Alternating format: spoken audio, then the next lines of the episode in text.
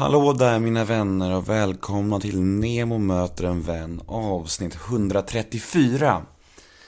Denna vecka gästas jag av den majestätiska sångaren Tommy Körberg. Och eh, ja, först skulle jag vilja påminna om lite andra saker. Det är så här att eh, till hösten kommer jag åka ut och föreläsa igen. Eh, som många av er vet så har jag föreläst eh, på ett tiotal skolor eh, under senaste året. Och jag har haft ett break nu eftersom jag har blivit pappa och sådär. Jag har ett break under sommaren men nu till hösten åker jag ut igen och eh, jag är, jag finns nu bokningsbar. Gå in på min hemsida www.nemohedén.se så finns det mer information där om föreläsningen, eh, vad den handlar om och eh, ja, hur man går tillväga om man vill boka mig. Så jag kommer gärna till er stad, till er skola, till, er, till ert företag eller vad som helst. Eh, och dela med mig av min livshistoria för att jag tror att den kan vara nyttig för många att få höra och inspirerande och så. Det, hoppas jag i alla fall. Men åter till dagens podd, Tommy Körberg. Eh, det här är ju, det är så speciellt med sådana här giganter som man verkligen har eh, Det är ju drömgäster liksom. Det är ju verkligen så här människor som man har velat träffa sen man började med podden och Det var ju nervöst och det var speciellt att slå sig ner med Tommy men han var varm och han var en riktig anekdotmaskin kan man säga. Eh, han bjöd på sig själv och vi pratade om hela hans liv egentligen. Vi gick igenom både svackor och toppar och, och han bjöd på många sköna historier. Så ja, jag hoppas ni kommer uppskatta den här podden för att eh, jag hade en grymt trevlig stund med Tommy. Så ja. Jag heter Nemo Idén på Twitter och Instagram. Hashtaggen är NEMOMÖTER.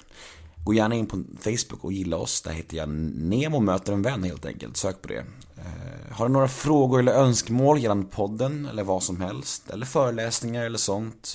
Om ni bara har några undringar till mig eller vill kolla hur jag mår eller vad som helst så skicka det till nemohedén gmail.com Podden presenteras precis som vanligt av Radioplay och klipps av Daniel Eggemannen Ekberg. Men nog om mig. Dags för Nemo möter en vän avsnitt 134. Gäst Tommy Körberg. Rulla gingen. Nemo är en kändis, den största som vi har. Nu ska han snacka med en kändis och göra honom glad. Yeah! Det är Nemo är en kändis, den största som vi har. Nu ska han snacka med en kändis och göra honom glad. Yeah! Mobiltelefonen. Den första datorn. Den största, starkaste när Peter Dalle var på universitetet och pluggade. Så var den, den kunde alltså räkna ut på fem minuter lika mycket som om hela jordens befolkning satt ett helt år med papper och penna. Det är helt bisarrt. Mobiltelefonen nu är 20 000 gånger starkare. Ja. Och under 1900-talet, alltså 2013 om vi säger så. Under två minuter 2013 så togs det mer bilder med mobiltelefoner. Eller tack vare mobiltelefoner. Än det gjordes under hela 1900-talet. Mm, det är svindlande alltså. Ja. Hur är du med, med teknik och så här? Försöker du hålla dig Nej, uppdaterad? du ser ju själv, jag har ju bordet fullt här med grejer. Men, men det är för att jag, jag, jag använder mycket i musiken och sådär. Och noter Ja. och du vet. Det är lättare att skicka pdf-filer än att liksom skicka på posten. För det vet man ju hur posten är. Mm. Postnord, det finns väl inget mer skandalomsusat företag i världen. Och, det, och idén är dansk. Har vi inte lärt oss någonting? Va? Fy Ska inte hålla fan. på med och göra affärer med danskar, det vet jag. Det är inte bra för, det är inte bra för oss. Hörru, nu kör vi igång tycker jag. Ja! Ja, Nemo möter en vän med Tommy Körberg. Ja, ja, hej, hej! Hej Tommy! Hej. Hur mår du? Jo, bra! Ja. Bra, bra, bra. Jag var på landet och trott att det skulle vara någon sorts vår, men det var det ju inte. Det var kallt som tusan och bor man nära sjön så eh, känns det när det blåser på. Vart är landet? Det är ju i Trosa skärgård. Ja. Men ni var ju iväg en sväng i Spanien också nu eller? Jag jag var på 50-årskalas i, på- Mallorca. Eh, och eh, ja, det var som på en vingård. Det är väl trevligt. Ganska nice ändå och bara... När inte vädret funkar på landstället så drar man till Mallis en sväng istället. Ja, men det går inte att hålla på och göra det för ofta. Det, Nej, jag fattar. har man ett land så är det, det är mitt paradis. Ja, Eller vårt paradis ska jag säga, för alla gillar det där. Till och med vår katt. Ja, vad härligt. Ja, han är här någonstans. Ja. Stryker runt här. Eh, Vi, vi sitter hemma hos dig och eh, det, är ju, det är ju vilken ära att få komma hem till dig tycker jag. Känns... Alltså varför det? Ja, ja, du, har, du har fin utsikt. Ja. Ja, jag ser ju ut över hela Stockholm här. Eh, Vi sitter på Danviksklippan. Får man se. Da- Danielsklippa, ja. Du man- ser, ja. Du ser mitt över där. Så har du Djurgården. Du ser två gula hus. Jag har bott i ett av dem där. Okej. Så jag hade båt. Här på Djurgården. Och jag hade parkett när det var vattenfestival och fyrverkerier på den tiden när det var det. Shit. Häftigt. Ja. Men nu börjar högre upp. Ja, lite högre upp. Eh, du, eh, jag tänker lite så här när man träffar en sån som dig. Jag blir så här. Jag har gjort eh, 130 intervjuer ungefär. Oj. Och jag, ja, det blivit en del nu. Och jag brukar väldigt sällan vara nervös. Jag är nästan aldrig längre. Men nu är jag lite nervös. Varför det? Ja, jag tänkte fråga dig det. Varför är jag lite nervös tror du? Ja, därför att jag säger precis vad jag tycker. Det är väl kanske jävligt jobbigt. Sa- man säger sanningar och så, äh, sanningen är subjektiv i och för sig. Men, eh, nej det vet jag. Jag vet inte det. Nej, inte jag, ser heller. väl bister ut. Nej, men inte jag heller. Alltså egentligen. Men jag, jag tror jag bara har en eh, väldig respekt för dig. Jag känner att du är liksom så här, en tungviktare liksom. Och då blir man Tack för det. Ja, jag vet. Jag, borde vara på gymmet nu. Min fru är där. Jag har gått upp några kilo. Ja, alltså, vet. Garderoben skriker nej, inte han, när jag öppnar dörren. Är det så illa? Ja, nu är det det. Jag måste alltså gå och gymma imorgon. Väger du mer än någonsin? Nej, jag har varit över hundra faktiskt. Men då, då trodde Bennys fru att jag var med barn. Smickrande. Ja, mycket smickrande.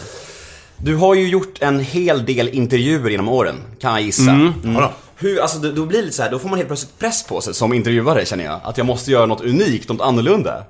Vad, eh, vad, om vi säger så här då, vad är du mest less på att prata om? Vad känner du bara, har du något tabu? Jag är mest less på brist på kunskap hos den som intervjuar. Ehm, kan du berätta, hur började du? Om de öppnar med den, då säger jag så här, gå hem och läs på. Det finns på nätet, kan du gå in och se, ha en CV där. Börja med den, så kan vi skippa de där löjliga frågorna. Nu Det är jag bättre att fråga, varför började du? Men det är sant. Nu blir jag, nu blir jag ännu mer nervös här. Nej, men jag tycker det är intressant det där, för att när jag gör research om någon, då kan jag antingen välja att läsa på massa, eller så välja att gå in med ett blankt papper och liksom skapa mig en helt egen uppfattning. Förstår du vad jag menar? Så det finns två sidor Jo, men, jo, jag. men, det, men bakgrunds, bakgrundsinformationen är ju bara till för att du ska inte gå in där. Ja. Du, du behöver inte gå in där. Nej, så är det. Ja. Men du har inga sådana här grejer som du känner såhär, oh det där vill jag inte prata om. Eller du känner att, Nej. vi kör bara så får vi se. Ja, ja, ja, ja. Eh, men vi tar det ändå lite från början tycker jag. Jaha. Ja. Säger han som har ta- Ja. tagit, tagit det från början tusen gånger. All right. Men vi betar av det snabbt tänker jag. Ja då. För någon som aldrig, som inte vet vem du är liksom och inte har läst din historia. Nej, det finns ju en hel, det finns ju en hel generation som inte har en aning, tror jag. Nej, exakt, och mina Mm. lyssnare, jag har ju väldigt, väldigt mycket lyssnare faktiskt nu helt plötsligt och eh, Mm. jag tänker att man ganska många av dem är yngre. Så Ja. om vi ska dra lite kortfattat din barndom och uppväxt. Om du skulle sammanfatta det lite snabbt liksom, ser du på det som sorglig eller lycklig? Så hårdrar jag liksom. Jag tror att jag blev, jag blev fostrad i livets skola både med, med mörker och ljus för att jag... Eh, det där är väldigt svårt att kunna veta. Jag har ju flyttat runt och jag bor... Morsan stack ju iväg och födde mig uppe i Norrland och sen var jag hos fosterfamiljen. Man- Alltså allting sånt där sätter sina spår i ens omedvetna och jag menar, jag har ju gått i terapi och hållit på och försökt be, eller liksom bearbeta och ta reda på. Men så har jag kommit underfund med nu när jag snart fyller 70. att Vad fan ska hon hålla på och gräva i där för? Ja men alltså nuet är mycket viktigare. Nu har jag, vi har ju en åttaårig dotter. Det är mycket bättre att se och kolla in vilken hennes framtid eventuellt ska, eller hur det ska bli. Och eh, ja, vurma för det istället för att på gräva i mitt förflutna. Jag har gjort så jävla mycket dumma saker och mycket roliga saker också. Den här boken jag skrev kunde ha blivit dubbelt så tjock kan jag säga. Men eh, jag lät bli av, av mentalhygieniska skäl och dels också av, av hänsyn till min omvärld. Mm. Ja men var det mycket, när, när, när du skrev den här boken, var det mycket så här som du kände att det här kan inte jag ta med för att av respekt till liksom kollegor och så här eller? Ja, det är många jag har berättat om där jag inte nämner namnen, där de, där de tar åt sig för att de tycker att alla vet vem de är ändå. Men, men, men jag kan inte bry mig om det. Jag skrev boken för att, eller jag och jag, alltså jag, jag berättade för Claes Ekman, som är en mycket intelligent människa. Eh, precis som det var. Vi satt 20 timmar på Grand Hotel. Shit. Och, ja, det gick, det gick. Och så skrev han ut och sen så formulerade jag om det så att det blev mitt språk. Jag säger ju inte grymt och sjukt Nej, nej. och sånt där. När de säger ja du är grym. Alltså grym. Caligula var grym. Kommer inte, alltså missbruka inte språket. Och det här med sjukt. Alltså negativ, positiv. Ordet det där med sjukt, det kom från Mad på 60-talet. Från tidningen Mad. Som sen försvann. Och sen kom tillbaka av någon jävla konstig anledning. Varför kan man inte säga enormt? Alltså vi har ganska fina ord för liksom att kunna förstärka ett uttryck. I värsta fall blir det svordomar. Men eh, jag tycker att det är hell- hellre det än de här eh, idiotiska orden. Men tror du ditt eh, flängande, om man kan säga så inom citationstecken, eh, under din uppväxt har präglat dig i, i, till du... Ja, ja, eh, ja det har det. Jag är inte, någon, jag är inte världens lugnaste människa. Du känns Och- ganska rastlös. Och, och inte... Ja, ja, ja. Nej men det känns som att du måste vara aktiv och sysselsätta dig. Ja, ja, ja, ja, ja. Det, går, det går runt i huvudet hela tiden. Eh, ja, eh, jo, jag har ju traskat runt i, i, livets villevalla ganska ordentligt. Ehm, jag har- svårt att landa i saker. Det märker jag när jag gick i terapi. Jag, jag stänger av. Och det tror jag har att göra med också att jag har eh, vissa luckor som inte är öppnade. Men då tänker jag så här, låt dem vara stängda då. Det är väl så man kväver en eld om man säger så. Låt locket vara på. Men å andra sidan kan man ju öppna, man kan göra alla möjliga. Man kan göra den här LSD-grejen, du vet. Skala löken-metoden som det heter. Som vissa mensa-människor håller på med. Men det sägs ju vara så farligt. Man har ju två läkare i och för sig som be- bevakar. Men jag tänker så här, varför ska jag göra det? Jag tittar ut genom fönstret och tänker jaha, ännu en dag. Tack snälla för syn. Det var väl trevligt. Nästa år blir jag 70, vad fan ska hon ha på med det för? Ska jag... Så jag är 70 och kan be vem som helst dra åt helvete. Det låter ganska skönt i och för sig. Ja. Men, det, men det här att du inte liksom vill, vill eh, gräva i det sista från din barndom, beror det på att du är rädd för vad som finns där bakom eller på grund av ren ork bara? Nej, nej, alltså jag, jag har inte nyfikenheten kvar. Alltså det är så många som går i terapi som tror att de ska hitta en lösning på varför är jag som jag är. Du, du genomgår metamorfos som jag, jag, alltså om du är en otålig människa som jag var tionde år. Jag säger som Tommy Berggren brukade säga förr i tiden, jag samlar på kriser. Jag samlar på metamorfoser. Nej men det, det, alltså vi, vi lever ett, det är ett liv. Ta vara på det, tycker jag. Ja, det låter bra tycker jag. Det är så mycket strunt runt omkring oss. Men om man ska eh, tala om din barndom igen lite, en snabbis bara. Eh, skoltiden, vem skulle du säga att du var i plugget? Nej, jag var inte så speciellt framstående. Jag var ingen plugghäst. Jag hade musiken i huvudet redan då, så att jag tillbringade mycket tid i korridoren, det vill säga utvisad. Eh, man fick gå ut. Man fick, då, då hade vi sån här guld och silverstjärna beroende på vilket hyss man hade gjort. Men jag satt och trummade väldigt mycket. Och så tittade ut genom fönstret och hörde saker och sådär. Så att jag har alltid haft musiken. Det är genom musiken som jag känner mig hel också. Och så genom musiken så kom språkintresset fram också. Och det är ju syntesen text och musik som jag försöker hitta. Har du någonsin känt dig less på musiken? Ja, det har väl funnits stunder när jag tänkt varför blev jag inte bagare? Gå upp klockan fyra och färdig nio så kan jag läsa böcker resten av dagen. Det är klart jag har tänkt sådana tankar, men å andra sidan när jag, när jag väl får stå på scenen så är det en oerhörd... Jag såg en dokumentär med Gary Moore häromkvällen. Han gitarristen som spelade med Thin Lizzy och sådär. Och han sa det att, att han, han är väldigt bortkommen privat. Men sen han på scenen så kunde han... Wow! Jag kände igen det där. Det var en jävligt bra dokumentär måste jag säga. Är det samma känsla att kliva upp på scen nu som för 50 år sedan? Ehm, Vad är skillnaden liksom? jag går inte så fort upp. och är det höga trappsteg så måste det ta en stund. Och jag går inte ner på knä längre för då kommer jag aldrig upp igen. Så det är väl... Jag gjorde ju det när man under poptiden så man kastade sig på knä. Det är därför jag har fått byta knä här faktiskt. Nej, men det var väl... Eh, jag är mer noggrann nu. Vad det är. Jag lägger upp en dramaturgisk kurva på, på, på innehållet i repertoaren och sådär. Förr var det liksom att man sjöng för strupens skull. Så som fågeln. Man bara lät. Är Hö, du, hö, högsta tonerna skulle man ta. ja, jag tänkte precis Är du lika bra sångare nu som för 30 år sedan skulle du säga? Jag är mycket bättre nu. Är du det? Ja, det tycker jag.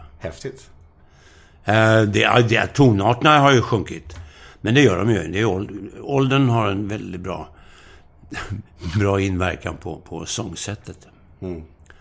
Man får välja sina krig med nothöjderna och sådär. Jag förstår. Sista frågan om barndomen och uppväxten då. Eh, fick, hur, var du med, hur var du med kvinnorna, med tjejerna? Fick du mycket tjejer under, under skoltiden? Nej, Sa han uppgivet? nej.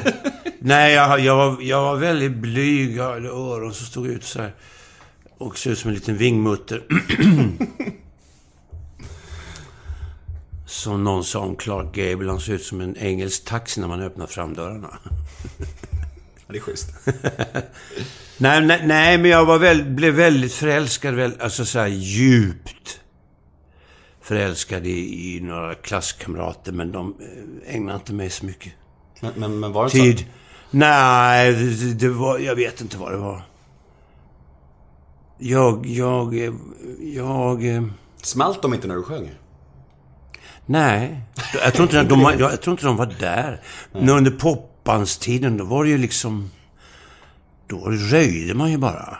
Man hade visserligen flickvänner, det var så mycket röj. Det var liksom... Nej, det var inte, det var inte så mycket seriöst tänkande på vad man gjorde med varken kropp eller knopp. Nej.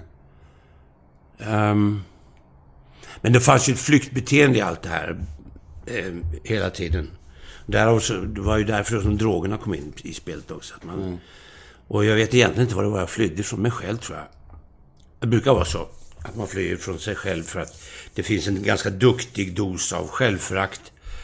Om man inte riktigt vet vem man är. Så är det lättare att ta till de negativa sakerna än att försöka hitta de positiva. Nu kan man ju gå i terapi för detta. Vilket ju är dyrt. Så kul ordval. Jag trodde du skulle säga något annat. Bara, vilket är dyrt? Ja, men det är dyrt. ja, det är dyrt. Eh, förnekelse är mycket billigare. Ja. Eh, men det, det är inte så bra. Man ska, man ska försöka att komma till tals med demonerna. Men Lars Forssell sa något bra för, till mig för länge sedan. Han sa att man ska bli vän med demonerna innan man säger adjö till dem. Man får inte bara förskjuta dem, för då är de fortfarande där. Ta dem till dig, säg goddag, goddag och sen så, nu får jag be er att gå. Nu är mötet avslutat.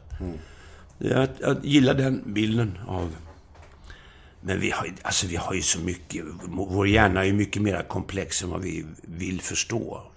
Därför är musiken en väldigt bra tillflyktsort, om man säger så. Nu har jag slutat dricka alkohol också.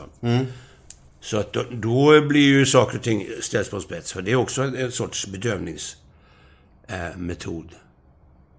Eller belöningsmetod också för den delen. Ja. Så där har jag studerat också lite grann vad alkoholen gör. Jag tror att jag har en sån här gen. Det finns ju vissa människor som kan ta gla- två glas vin och sen så är man nöjd med det. Tar jag två glas är det snart inom en timme två flaskor. Mm, jag är exakt samma. Ja. Jag eh, är ju själv... Alltså jag kommer ju själv från en väldigt destruktiv uppväxt. Ja. Dysfunktionell, eh, rörig som du. Och jag har ju själv missbruk. Jag har ju varit nykter och drogfri nu i, i ungefär 20 månader. Ja. Så jag tycker att det är Jag spännande. är uppe i snart sex. Ja, grattis! Snyggt jobbat! Ja. Så jag tycker det är ännu mer spännande att träffa någon som har Du samma... tog inget återfall? Nej, jag har faktiskt varit helt ren i 20 månader. Ja. Och det var, det var nog på tiden. För jag kraschade väldigt hårt väldigt ung. Kan man säga. Ja, ja, men då, ja, då är det mycket bättre. Ja, jo, jag har ju ett liv framför mig nu. Jag har precis blivit pappa och så här, så jag har ju liksom... Ja. Så det finns ju hopp för mig liksom, men, om man säger så. Men det var väldigt, väldigt mörkt för två år sedan. Ja. Jag hade förlorat allt liksom. Oj. Så eh, det, jag tycker det är extra spännande att träffa någon som ändå har varit i det där också. Eh, Och jag identifierar mig verkligen med det här du säger att man, när man alkohol och droger, att det fyller ju någonting i en som inte någon Ja, ja. Externa lösningar för att lösa det här interna problemet. Ja, det, liksom, det, man, man, man hamnar i ett madrasserat utrymme liksom, i själen. Verkligen. Och tagg, taggarna går bort. Och, och var det Ferlin han skrev en jävligt bra dikt som heter Av ständig oro för stort och smått jag blev allt mera en igelkott. Gott folk som klampar min väg förbi, de viskar ofta om hysteri. Och några talar om stämning och de moderna om hämning. Gott folk må prata bäst fan de vill mig, kryper ingen för nära till. Jag har en fullgod repertoar av tricks och konster till självförsvar. Jag önskar inte bli biten fast jag är konstig och liten. Ja, konstig är jag till övermått och en besynnerlig igelkott. Till dessa spjut som jag sträcker ut har genomborrat mig själv förut. Mm, det är fint. Det är bra. Ja, Ferlin var bra. Han var bra. Ofta. Jo, men det otäcka med alkohol och droger är ju att det, det funkar, alltså det här, det här verktyget som man använder för att, att fylla det här tomrummet funkar i början och sen så när det inte funkar längre, för mig var det så att när det inte funkade längre, då var jag ändå liksom fast i det. Och, och kunde inte ta mig ur det och då blir det så här, det så först att ha ett verktyg och laga det här. Sen när det inte funkar längre, då är jag fast och då är det helt plötsligt livsfarligt liksom. Så det är ju, man får passa sig. Så är det ju. Ja, men jag har ju hållit på att dricka och hållit på och röjt som fan i nästan 50 års tid. Så jag har ju, jag har ju ganska duktig facit om man säger så. Eh, och, men, men när jag märkte att jag började bli sint och sånt där och mitt... Alltså det är ju en, man, man orsakar ju en nervsjukdom i sitt, hos sig själv. Alkohol påverkar nervsystemet mycket, mycket mer än vad man tror. Olika för alla. Därav det, det farliga är att... Eller därför alltså, om alkohol skulle komma fram idag så hade det blivit förbjudet tror jag. Sint, vad betyder det? Sint, ja, man blir s- ilsken. Ja, lättirriterad, Ja. stingslig. Jag tror det är norskt ord. Jo, jo, ja, man, det, är gammalt svenskt, men man säger det. Ja. Jag blir så sint. Sex månader nykter alltså. Ja. Hur länge drogfri? ja, oj, det är längre. Det är mycket längre. Det hände väl, alltså du vet så här, och nolla upp. Så, ja, vad fan. Och så märkte jag, äh, vad är det här för trams? det är bara dyrt. Ja, det är väldigt Det dyrt. är dyrt och för bra. Skitfånigt. Nej, det är mycket länge sedan. Det, är, det, ja, det kan jag inte ens räkna i år. Nej. Jag har inte tittat åt skiten alltså. Nej. Men Men, vi... men då i början så var det ju bra grejer. Du. Det var ju det som var så jävla farligt. Nu är det ju blandat med allt möjligt skit. Så det snu- snudd på tvättmedel. I en del druvsocker och vad fan det nu de gör. Alltså. Och sen finns det farliga grejer. De blandar ju ut det med massa annat också. Som, som inte är av allra bästa kvalitet för ens själ, tror jag. Nej, det tror jag Nej, så det, där, så det där låter jag bli det- med, med eftertryck, måste jag säga. Det jag saknar är ju alltså ett gott vin. Tänk att hitta en 82 vet du, Cheval Blanc. Det är sånt där, va? Eftersom jag är så jävla gourmetmänniska. Men nu har jag hittat alkoholfri öl Here's a cool fact a crocodile can't stick out its tongue. Another cool fact you can get short term health insurance for a month or just under a year in some states.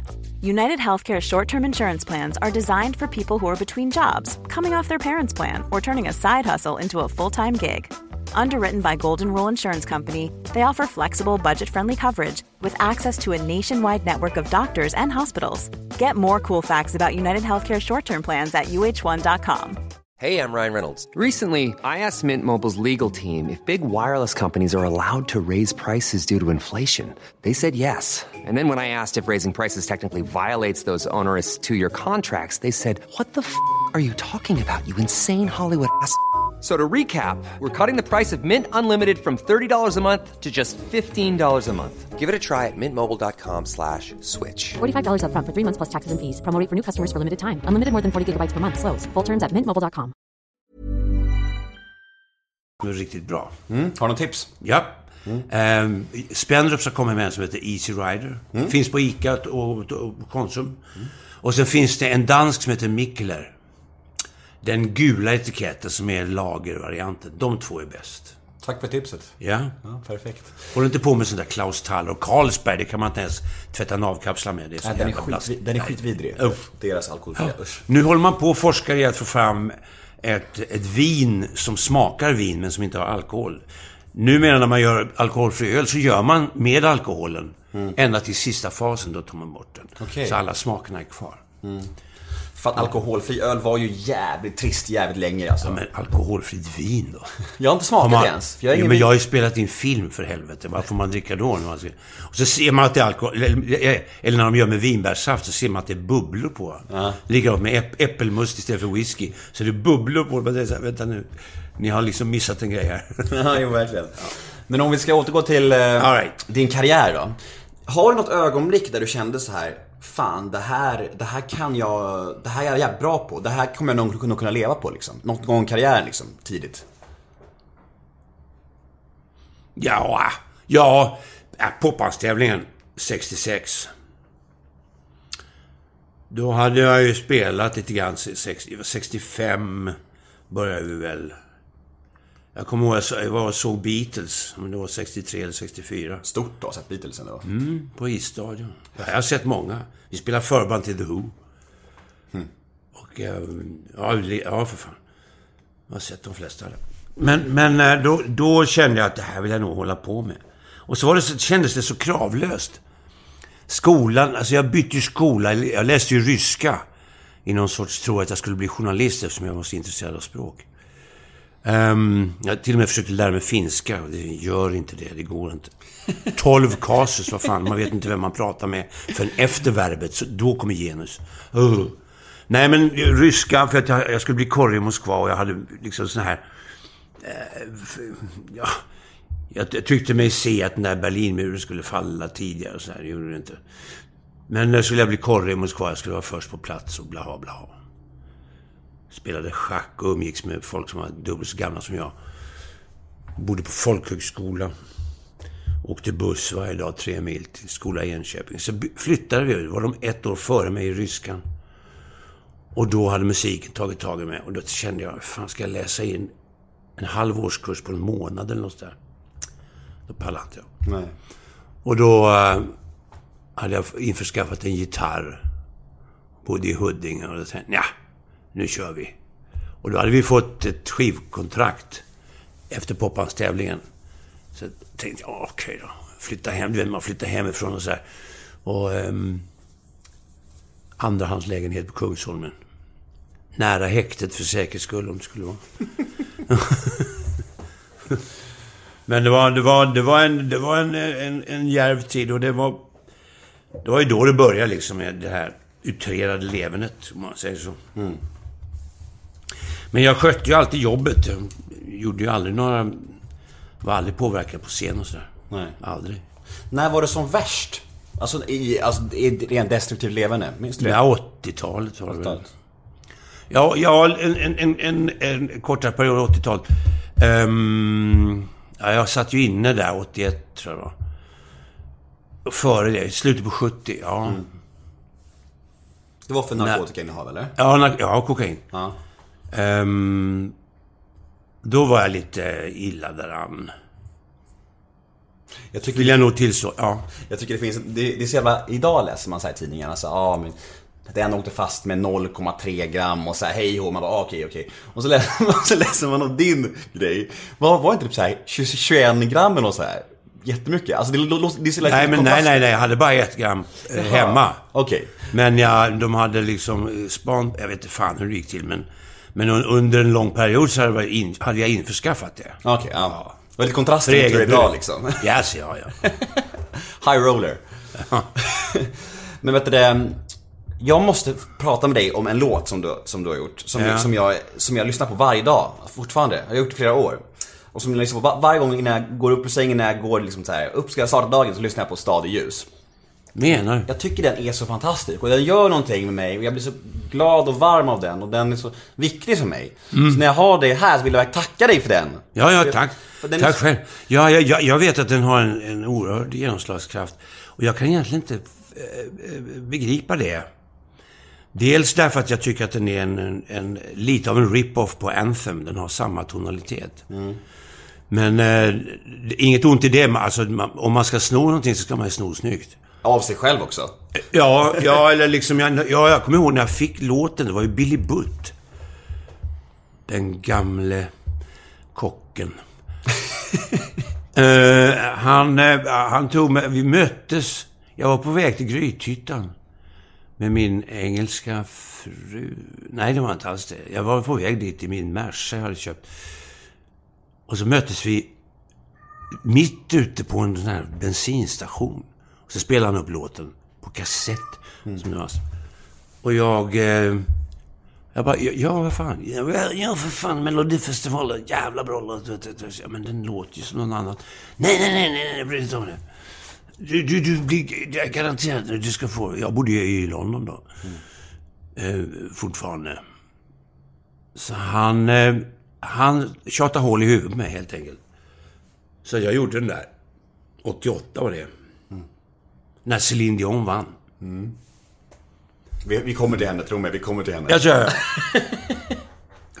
Jo, men det är någonting med, det är någonting med den här flummiga texten som egentligen är en... Den har något eh, quasi-religiöst över sig. Men, Men som vi- jag inte begriper riktigt alltså för att... När jag sjunger den så kan jag inte se bilderna mer än att man är någon annanstädes än... Alltså, det är väl hopp om att, att det finns någon annanstans när man går bort. Nu tror ju inte jag det. Jag tror det blir mörkt jävligt länge. Helt enkelt. Trovärdigheten i stadljus försvann här för Nemo. Nej, men nej, alltså, nej, men det är inte trovärdighet. Det är snarare att man ska ta till sig andligheten i det hela. Det finns ingenting att tro på i den, tycker inte jag. Däremot att en andlig, som du säger, vila, att den gör någonting med dig. Då. Men sen när, den, när låten är slut, då kan du göra andra göromål utan att tänka på låten. Så det är den stunden det tar, tre minuter. Ja, men precis. Men, men vet man, alltså känner man sånt? När du liksom spelar in, vi säger när du spelar in Stad i ljus eller när du spelar in Anthem, någon av de här dina tyngsta låtar. Kan man känna så här, fan den här låten har någonting, den här kommer nog bli stor? Eller vet man aldrig när det blir en hit liksom? Anthem visste jag skulle bli stor. Inte någon hit, det, det, det blev den ju aldrig. Alltså den hamnade aldrig på någon topplista där. Men den är, det är ju den som folk vill höra. Den och Stadljus, fast det är ju nästan samma låt. Nej, men jag tror att det är någonting med att man... Att man... Att jag sjunger ut med hela den... Den eh, röststyrka som jag har. Vissa människor gillar det, andra gillar när jag sjunger rock'n'roll. Jag har till och med sjungit in hårdrock med Dead by April. Ja, just det. Det såg jag faktiskt. Ja, Hur var det då? ja det var jätteroligt. Och de frågade så här, hur fan, hur fan får du distorsion på rösten? Så här, Grabbar, ålder. ålder heter det. Gammal och vis. Jo, på tal om Céline Dion. När jag eh, la upp på mina sociala medier att jag skulle träffa dig, var det väldigt, väldigt många som skrev så här. Ni måste prata om Céline Dion-klippet. Det är ju ett klipp som är legendariskt skulle jag säga. Det är så, det är, du har ju sett det flera gånger antar jag? Ja, ja, det kommer ju och går. Det ligger upp ibland rätt vad det är på alla möjliga ställen. Det är ett klipp när Ja. ni sjunger Beauty and the Beast, eller hur? Ja. Och eh, hon verkar inte ha någon aning om hur bra du kan sjunga. Nej, det var ju för att jag markerade på repetition. Det var ju direktsändning. Eh, Jag markerade för att jag inte ville slita ut mig. Jag ville inte liksom trycka på så här. Och hon undrade, vem fan har de släpat hit alltså? Så hon var väldigt sur. Och liksom lite, ja, så här. Så hade hon med sig någon människa som...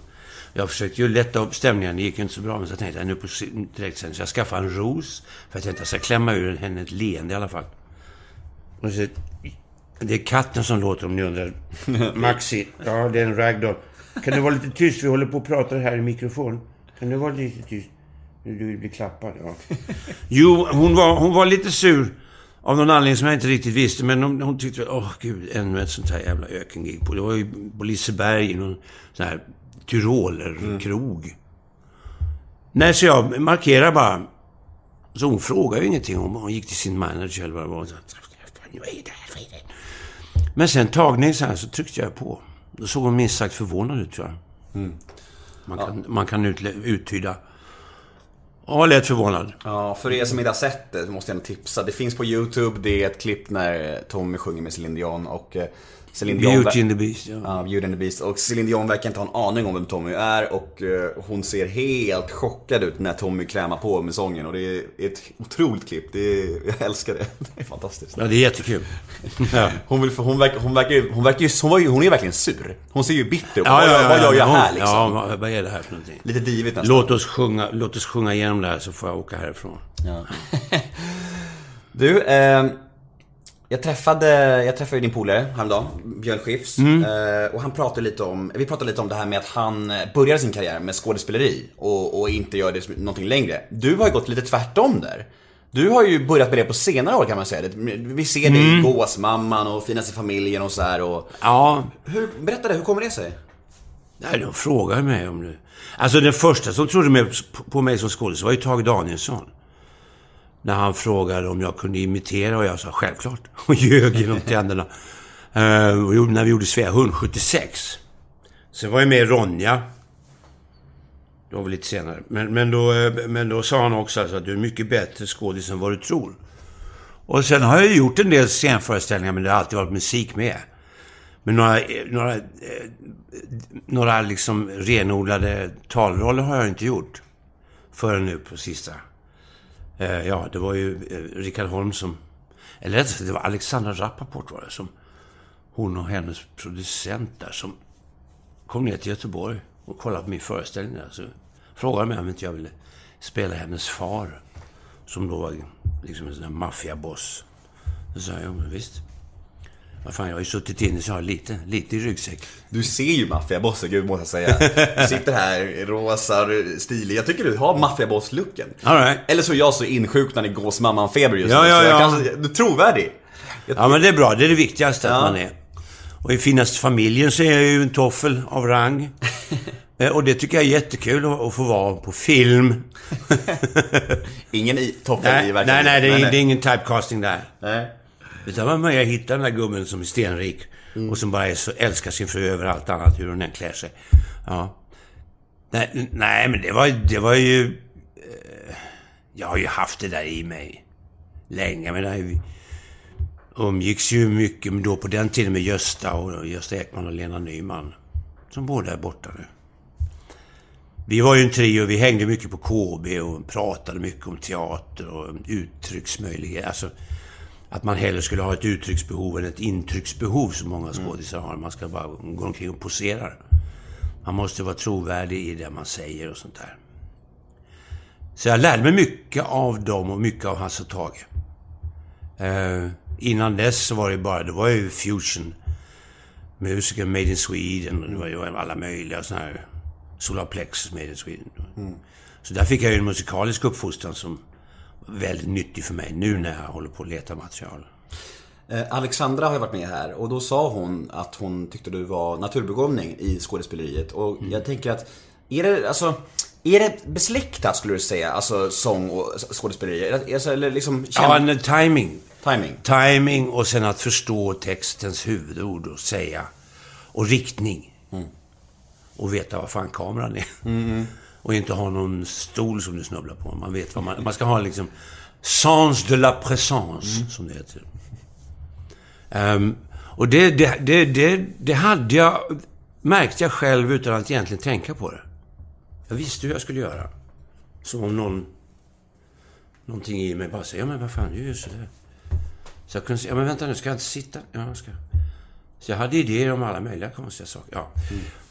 Så no, nog är det naturbegåvning, jag har inte gått någon skola. Nej.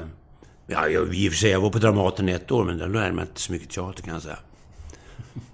Det var, med, det var mest liksom MBL-förhandlingar och det var jävla konstiga saker. Det var precis vad MBL skulle vara. När man, tillät, man skulle tillåta garderobierna bestämma repertoaren så här. Åh, jag tycker jag ska vara mer Mumintroll. Jaha, mm. Det fanns inget direkt eh, repertoarråd om man säger så. Alla skulle, alla skulle få säga sitt. Och det är ju jättefint i tanke.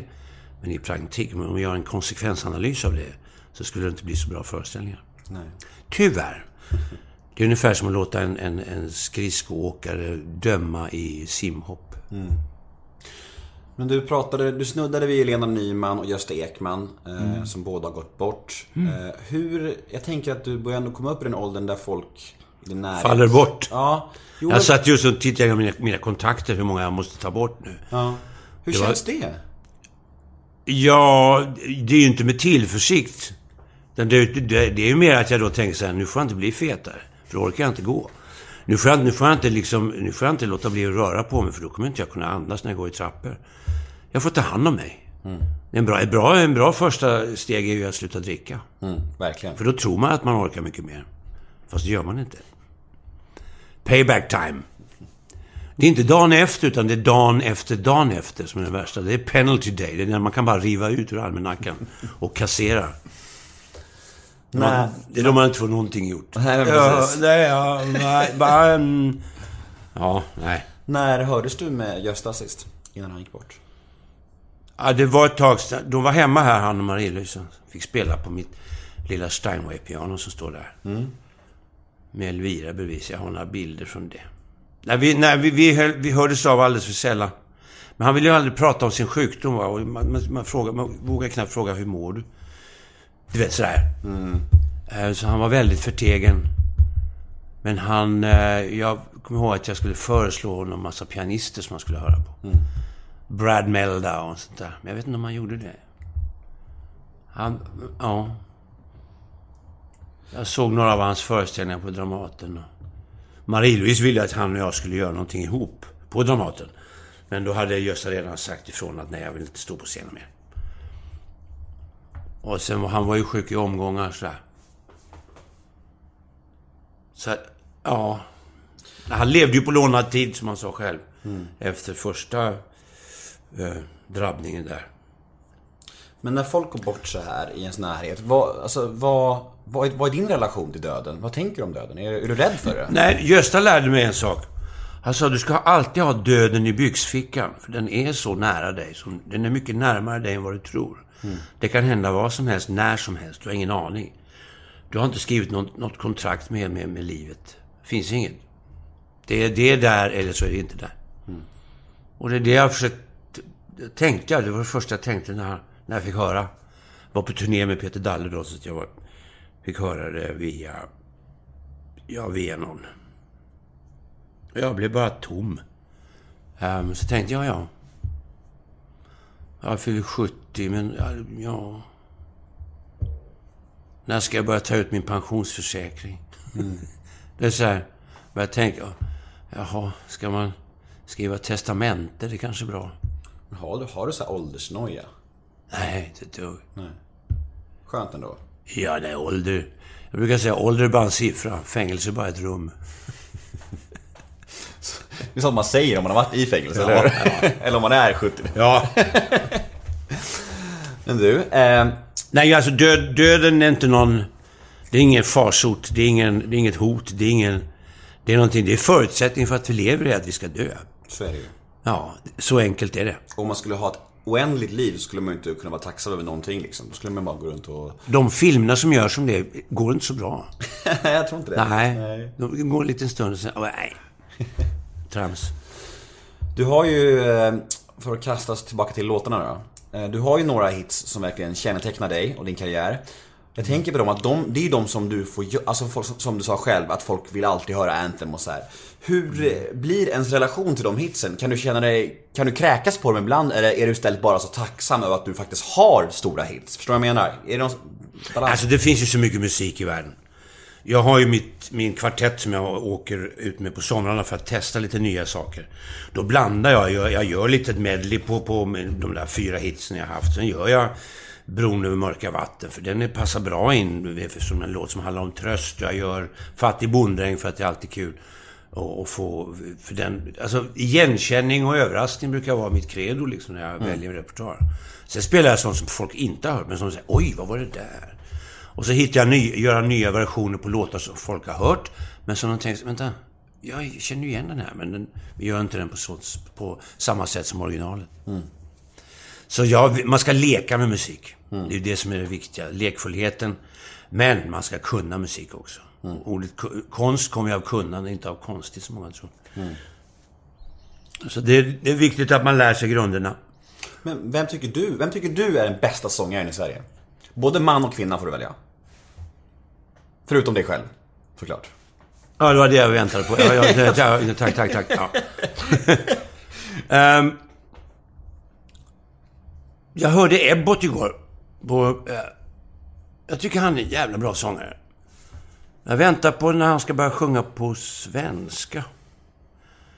Jag ska ner och göra TV imorgon snart. Ehm, så jag ska, ja, vi har snackat lite grann ibland och... eh, ja, på den tiden jag drack så drack vi också ihop. Och det är jättefarligt med honom. Han, han, han kan supa va? Oj, oj, oj, oj. Ja då. Men det har vi inte gjort nu på sistone.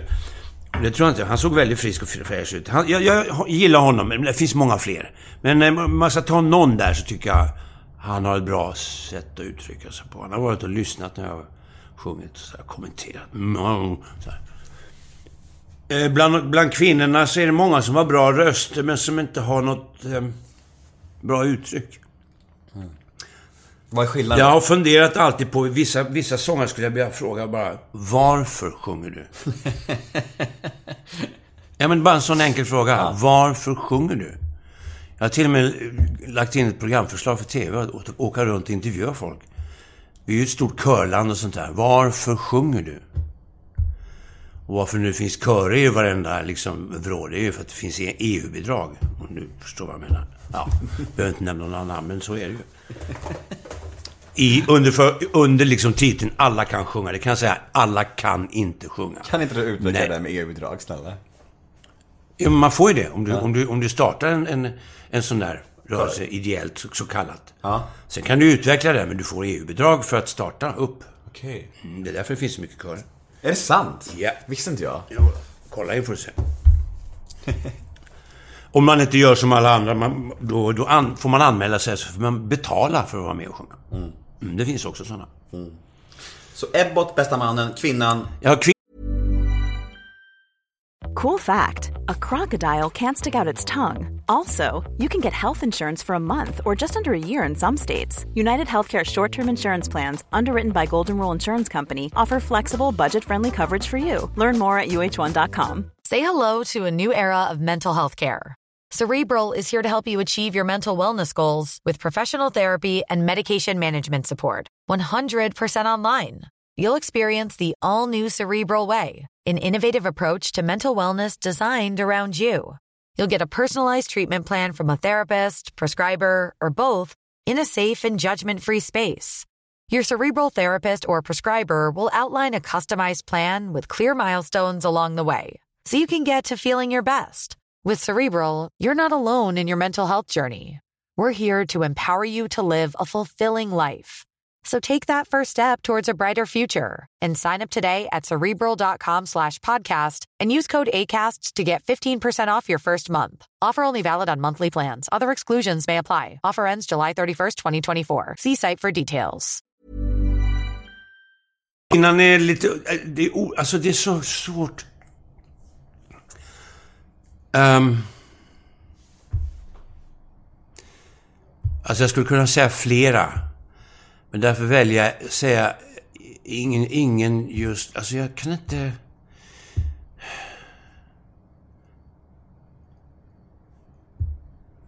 Det, alltså det är så mycket åtbörder mera än innehåll. Och tjejer har en jävla förmåga att... Att... ehm, det ligger ovanpå på något sätt. Jag menar, jag gillar ju Johnny Mitchell till exempel bland de... Jag menar, Billie Holiday. Jag hade, jag hade, jag har ju... Jag hade ju en kort lärartjänst på Dalcroze på Ackis för många, många år sedan. Min, min, min, eh, min begåvning som pedagog är inte av den ädlaste sorten. Jag hade, jag hade 14 elever. Jag hade åtta elever hade jag och efter två veckor hade jag en kvar. Och då var det ofta sådär, vet du, vad heter du? Elisabeth? Ja men Elisabeth, sjung som Elisabeth, låt Billie Holiday vila i sin grav. Det, det är så mycket som man tar efter sig, det är så mycket åt, åtbörder som inte har något innehåll. Det är därför jag liksom har så svårt att hitta någon som sjunger med, med, med hela kroppen, inbegripet könet. Ehm, Men du kan, du kan få komma undan med Joni Mitchell. Det, det är ett bra svar. ja, hon, är det inte, hon är inte så svensk, men det är okej ändå. Nej, hon är inte svensk. Nej. Nej, det finns flera. Oh, Nancy Lamotte. Klockrent. Och hon som sjunger med Alison Krauss. Eh, Men vi har inga, vi har inga såna som riktigt når över rampen för mig. Får jag, Tycker jag. Får jag säga att du får, sluta slå med händerna Ja, i bordet? jag har tänkt på det en stund nu. Ja, men du ser varför jag åkte ut från lektionerna. Jag Ja. vet, jag vet. Du får ha händerna på bordet, men du får inte slå med fingrarna. För då kommer det höras i mikrofonen. Mm, ja, men om ni hör att bum, bum, bum. Och jag säger något klyftigt så är det mitt fel. Nej, det är Tommys fel. Ja, ja, ja. Eh, du, jag blev ju pappa första gången. Eh, och då vill jag fråga lite om faderskap. Du är, har ju vuxna barn och litet barn. Mm. Ja. Eh, det här med att vara en äldre pappa som du är nu, till en liten. Är det no- hur, hur är det? Är det kan det vara Ja, jag, är lika, jag är lika förundrad varenda gång. Nej, men när Anton, han är ju 40 nu. eh, När han kom, då var, jag inte, då var jag inte färdig med varken mig själv eller... Jag är inte färdig. Jag var inte ens... Jag hade knappt klivit över tröskeln till att veta vad vuxenliv var. Och karriären var blomstrande. Nej, det var, det, var, det var lite orättvist mot Anton. Men han har klarat sig hyfsat bra. Vi har ju pratat några gånger efter det. Och så har jag en kille på 21. Ehm, Ja, där har, där har vi lite, lite kvar att göra upp. Han har varit sex månader i Asien nu och rest runt och försökt att närma sig världen, om man säger så, livet. Hitta han, han är en mycket... Ja, det tror jag inte. Men, men, men, eh, men att jag försöker hjälpa honom så mycket jag kan. Hjälpa och hjälpa, men alltså att... att, att ja. Skicka pengar. Att vilja att... Ja, det, det måste man göra. Om man är i Asien helt plötsligt så blir- bestulen på massa thaibatt. Får pappa ställa upp. Det är inga problem. Nu finns det ju Swish. jag har lärt mig det. Modern pappa. Ja, ja visst. Jag har lärt mig det. Jag är jättestolt. Men hur är relationen med... vi Ja, men sen... med dem? Den lilla är ju här. Hon går ju på dans, hon spelar piano och så går hon på en musikalgrej. Sådär och eh, skriver historier som jag ska läsa upp och hon har på att lära sig skriva och stava och sådär. Så jag försöker... Men hon, det är mycket mamma. Så, fortfarande. Jag bara väntar på att hon... Börjar mer och mer ty sig. Mer och mer ty sig till mig på ett annat sätt. Ehm, Är, du, är du bättre pappa idag? nej, det, vet, det kan jag inte svara på. Alltså, ehm, jag, är väldigt, jag, jag är väldigt rådvill ibland. Speciellt när de var små. Så här, jag bara tittar på små bebisar och säger, vad vill ni för någonting? Vad är det ni vill? Så där kan jag liksom resonera. Vad, men, vad, vad, säg, säg något. Ja, mm. jag, jag, jag kan säga att jag är inte någon eh, sån här... Eh, jag är ingen, ingen lekpappa. Nej. Med tanke på åldern också, som jag går ner på golvet så blir jag kvar en stund, så får jag liksom vara där. Och så frågar man om det inte finns något annat jag kan göra medan jag ändå är där nere på golvet. Jag brukar leta efter bortrullade le- kattleksaker och sånt här. Men hur är din relation med Anton idag? Det är bra. Vi var, vi var och såg Book of Mormon. Vi försöker ses. Han har ju en sån här pappapodd nu. Ja. Så jag ska väl göra en, en sån... Jag ska sitta och berätta hur, urusel pappa jag var. Och han kommer att hålla med. Han kommer gri- grilla, grilla dig eller steka Ja, dig? Ja. det får han gärna göra. Nej, jag var lite... Jag var avig mot honom flera gånger där, alltså. Men det, det ska jag nog skriva upp på... Ja, alltså jag mådde inte bra under långa perioder. Nej. Någonstans. Han tar gärna upp det, men nu, det får jag hacka i mig bara. Använder, använder det emot dig eller? vadå? Jag är inte emot mig om han bara påpekar. Glöm inte hur usel pappa du var. Nej, ja. Men kan du inte göra det? Blir du inte ledsen då? Nej. Jag, blir bara, jag bara försöker hitta en sorts förlåtande drag hos mig själv. Mm. Eh, det är det viktigaste just nu. För det kommer ju upp grejer nu när man är nykter att... Ja, just det. Mm. Aj då. Och sen så man tränger bort. Du vet att det heter inte förtränga. Nej, det heter tränga bort. För att vara riktigt på svenska. Mm. Bortträngning heter det. Jag kände igen det där väldigt mycket, det här med nykter, att man... Så mycket grejer som kommer upp, så här, människor man har kört över och varit elaka mot, som kommer fram när man är nykter. Liksom. Mm, alltså kommer de... Jaha, nej, de har mera vett än att göra det. Men, men, men eh, hos de nära och kära så kommer, så kommer det upp ibland. Mm, jag menar, menar, det kommer upp... Kommer upp Inte för att de vill ibland, utan för att de kan. Precis, nu passar det liksom. Ja. Men din fru då? Ja. Er relation? Ni jobbar ihop, ni är gifta, ni har barn, ni är ju ihop i princip. Hur länge har ni varit gifta? Tio år i år. Ja. Hur, berätta om er relation hur, hur, vad är det bästa med henne? Att hon ser mig som den jag är. Ehm, jag tror att jag försökte säga det från början att just, what you see is what you get. Men sen blev det ju alkohol där också som spelade in att jag blev eh, inte, inte någon bra make, helt enkelt. Jag försöker rätta till det där så gott det går, men det, det är lite uppförsbacke då och då, kan jag säga. Och... eh, På, det- på vi- vilket sätt var det dålig make? Kan du utveckla det? Jag var, inte när, jag var inte närvarande. Nej. Nej, men eh, jag var inte... Nej, det kan jag fortfarande vara väldigt frånvarande för att jag går omkring och tänker på alla jävla projekt jag ska göra. I love musicals. Oh. Det är en hel del att göra. Sen har jag repertoar med bandet som ska göra. Så har jag ett annat projekt som ska upp på teater nästa år först, men det ska ju göras också. Så klämmer du in mig emellan. Vilken ära va? Ja, men det, det, går, det går åt kaffe. Vill du ha kaffe? Ja, jag kan ta lite kaffe. Ja. Vill du ta en paus? Jag vill ta en liten paus. Vill, vad- vad- vill du ha en lungo eller vad- vill du ha en dubbel espresso? Vad är lungo för något? Lungo, det är vanligt kaffe. Ja, men det är jättebra. Kaffe lång.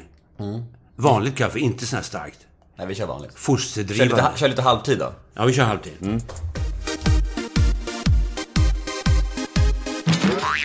Vad- Alkoholterapi? Mm. Vad är, hur funkar sånt? Man går och sätter sig och pratar om vad alkoholen gör med en. Och sen så säger han, ja men du vet, så här är det. Så, så tittar han fysiologiskt och så får man titta på en del filmer. Om, om vetenskapligt hur man kommit fram. Till exempel de här människorna som kan dricka och sen blir alkoholen till ättika i princip som sen går ut i blodet melanon. De andra som, andra som dricker har den här genen som är belöningssystem. Du vet, han är liksom melatonin. Och sen blir det något som heter THIK, thick. Som gör att du vill ha mer. Jag kan ju bli så jävla förbannad på så här, att det finns vissa professorer och, och författare som förespråkar att det går att lära sig att dricka om man har problem. Alltså det där är så elakt mot folk som faktiskt har problem och inte kan lära sig. Ja. För det, fattar du alla dessa familjer och anhöriga som får, får lida av det liksom. för, att de har, för att de har sett någonstans att det går att lära sig. Alltså det är så jävla... Ja, nej. Jag tycker det är hemskt. Det Alltså, ska man hålla för sig själv i så fall. ja, Verkligen. Att, alltså, att propagera för att Ja, men till och med när till och med vår gamla eh, finansminister, vad heter han? Kjell-Olof Feldt Ja, precis. körde den grejen. Ja. Men det, jag tror inte på det. Nej, har man, jag, jag tror så här, har man en gång utvecklat ett beroende eller liksom så här, det här merbegäret så går det inte, finns det ingen väg tillbaka. Och det är, det är väl bättre att tro på det, för annars så är det så många människor runt omkring som får lida, det är det. det är ju, Du har slagit på den här nu? Ja. Ja, bra.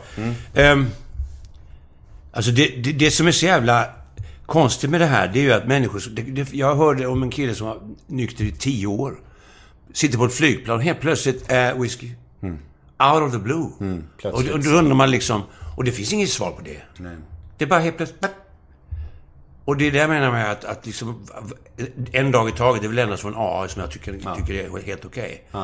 Och att man kan prata om eh, att man, man, man, ta, man tar liksom en, en, eh, tar en fylla, men inte att man får. Liksom, nej, ett- man tar ett återfall, man får Ta- inte återfall. nej, nej, ja. nej men så är det verkligen.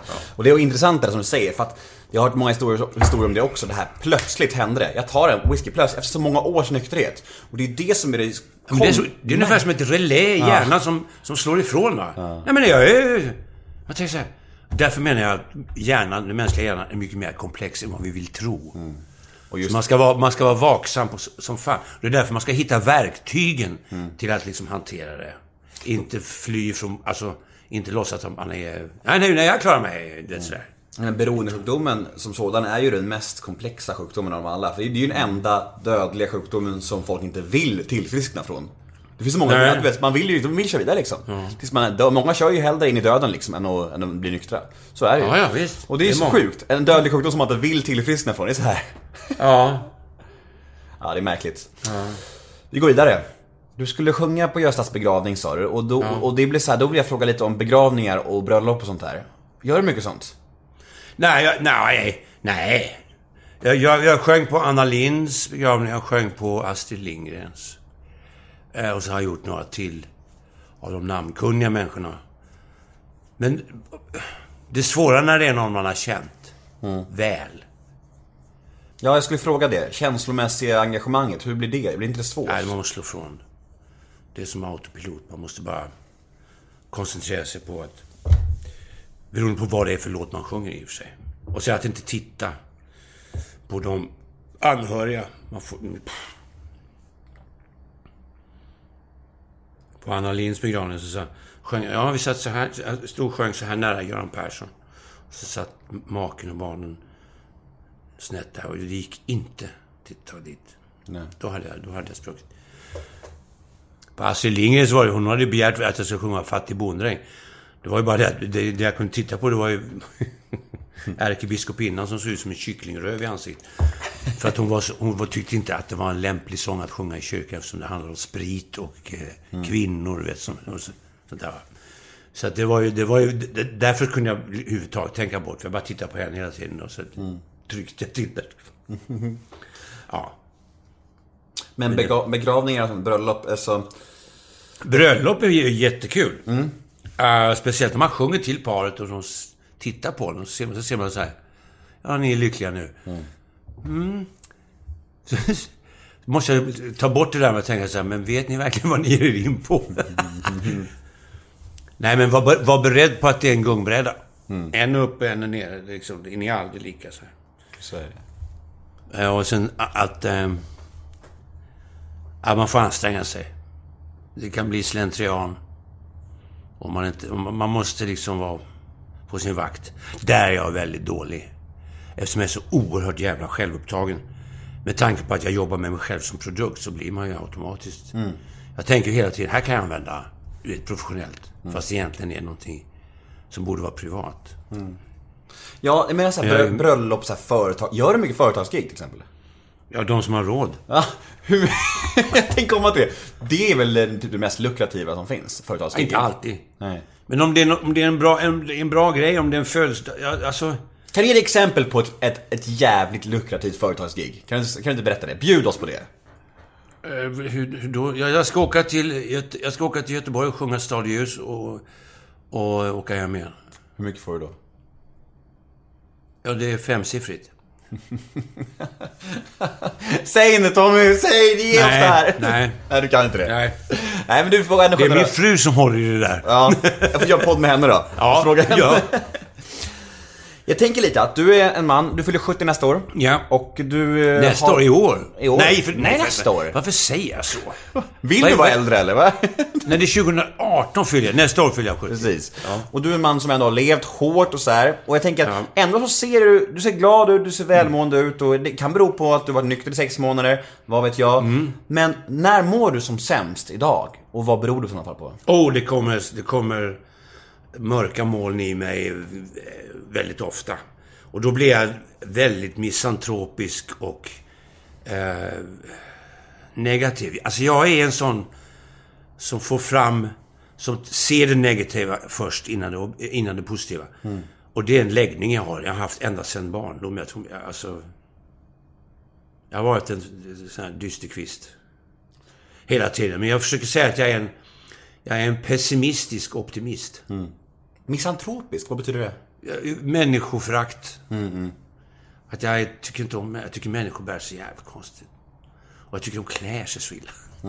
Då vill jag säga, shorts på stan, kom igen. Vi har faktiskt en fråga om det, det är väldigt Ja. kul. Vi har en fråga om just det, att Ja. dina kommentarer om folk klär sig. Det var någon som skrev så här. Hej Tommy, du skrev i din bok att du inte förstår dig på människor som går runt i byggkläder i köpcentrum. Skulle vara Om man inte arbetar där, nej. skulle vara intressant att höra dig utveckla det. För om man, nu ska, om man nu är på väg hem från jobbet så är det onödigt att bara gå hem och byta om för att man ska handla lite. Om man nu jobbar på ett bygge, så har man ju en gång tagit sig dit. Och om man då har en lunchpaus, så kan man faktiskt ta av sig den där overallen. Sätta på sig någonting annat. Istället för att färga av sig på någon, någon restaurangstol. Det tycker jag är, det är vanligt hyfs. Jag menar inte att man behöva åka hem och byta om. Nej. När man kan göra det. Men ja. Jag, jag visste att jag skulle få på, på, på mopp utav det där. Eh, Men, men jag är ju lite snobb på så sätt. Jag tycker man ska vara, ha respekt för sin omgivning och klä sig. Varför ska man klä ner sig för? Det var sådär mode som kom att man skulle se för jävlig ut. Why? Du är en sån som blir arg på folk som flyger i mjukisbyxor, eller hur? Nej, flyga i mjukisbyxor tycker jag. Men, okej. men man behöver inte gå på någon, på någon filmpremiär i mjukisbyxor. Nej. Tycker inte jag. Nej. Jag såg några igår förresten på den här eh, Världens kväll, Mm. Un- Unicef-galan. Som, ja, jag skulle kunna peka ut flera stycken. Gå hem och klä om. Vad är det med dig? Du får berätta vilka du menar efter, efter stängt av sen. Nej men du vet, alltså om man går i en t-shirt som det står något jävla konstigt firmanamn på och så visar man halva kaggen utanför för magen är så stor så att jeansen har tryckts ner av fettman. Och så har man en fånig halsduk som försöker täcka över det där. Eh, det är lite... Ja, det är lite respektlöst mot, mot omgivningen. Och det, dessutom är det TV. Men jag tror att de placerar just den gubben ganska långt bak. Mm, ja. När, eh, när får du som mest ångest? Ångest är frihetens yrsel. Jag tror att jag är för... Jag får inte sån här ångest som jag hade under drogtiden. Då kunde jag ju, när jag blev rädd för mitt eget hår, när jag knöt skorna och sådär. Eh, Men jag... Eh, ehm, nej, jag får ingen... Jag får ingen direkt ångest. Hörni, jag är populär. Det ringer hos mig. Jag är så jävla obegåvad så jag har inte stängt av telefonen mitt i en intervju. Förlåt mig, kära lyssnare. Förlåt mig. Jag ringer en annan dag. Ja, det här kommer vi ha med, bara så du vet. Ja, ja, ja. Men det är en ganska ettrig signal. Jag förstår. Men den ska, det. den ska ge sig nu. Så, tack. Nej, du ska inte ringa mer. Vad är det nu för tjat? Jag har ju ställt in den. Vill du svara? Nej, men... Nej. Nej. Nu har den slutat. Vad var vi? Vad, vad frågade vi? Nej, men fan på det var min fru som ringde. Kolla det om du vill. Nej. Nej. Men ångest, ja, du är för svag. Nej, ångest, jag har inte... Eh, jag, jo, alltså jag kan få... Ibland, jag har, alltså, ibland gillar jag inte stora folksamlingar. Lite så här torg. Jag tycker det är... Uh. Men tror inte du att det är en drogskada som sitter i? För det där känner jag igen mig i. Mm. För jag, jag, jag tror att det är någonting kemiskt, som, som, som man är skadat sig kemiskt. Alltså för jag pundat väldigt mycket back in the days. Och jag tror att, jag gillar inte heller folkmassor, jag gillar inte tunnelbanor. Jag tror det är sånt som sitter i. Nej, tunnelbanan är okej. Du är det? Ja, det går bra för då vet jag att jag ta- tar mig någonstans och kan gå av när jag vill. Men, men, men, men eh, just när man ska, du vet så här galor, ja, du vet när man ska så mingla. Det är jag väldigt obekväm med. För jag är inte en sån social person. Jag tycker... Nej. Fast var, jag menar nu när vi var på den här kvällen, då träffar man ju gamla, gamla kamrater och lite nya kamrater. Alla Let's Dance. Jag satt med Anja Persson och hennes, hennes kvinna. Och min fru och jag vid ett bord. Och så, så är ju alla där, vet. Samir, vad heter han nu?